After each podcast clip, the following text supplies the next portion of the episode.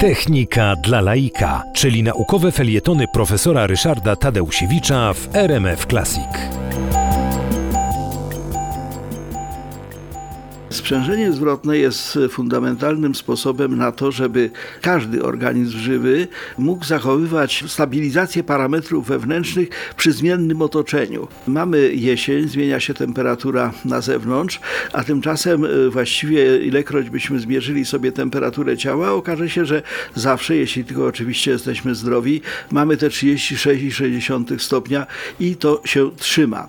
Wobec tego, żeby tą stabilną temperaturę wnętrza ciała organizmu człowieka, ale także zwierząt, ryb utrzymywać, trzeba stosować odpowiednie mechanizmy, które przezwyciężają zarówno wpływ tego, że otoczenie może być zbyt ciepłe i wtedy trzeba ciepło z wnętrza ciała organizmu usuwać, jak również może być za zimno i wtedy trzeba to ciepło jako wartość chronić.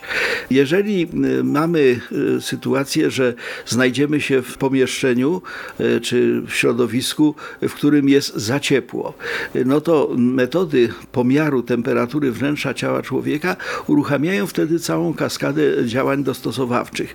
Następuje rozszerzenie naczyń krwionośnych, co widzimy między innymi te, w ten sposób, że e, czerwienieje twarz na przykład, e, co oznacza, że właśnie z tych naczyń krwionośnych podskórnych do zewnętrza, czyli do środowiska wydzielane jest ciepło.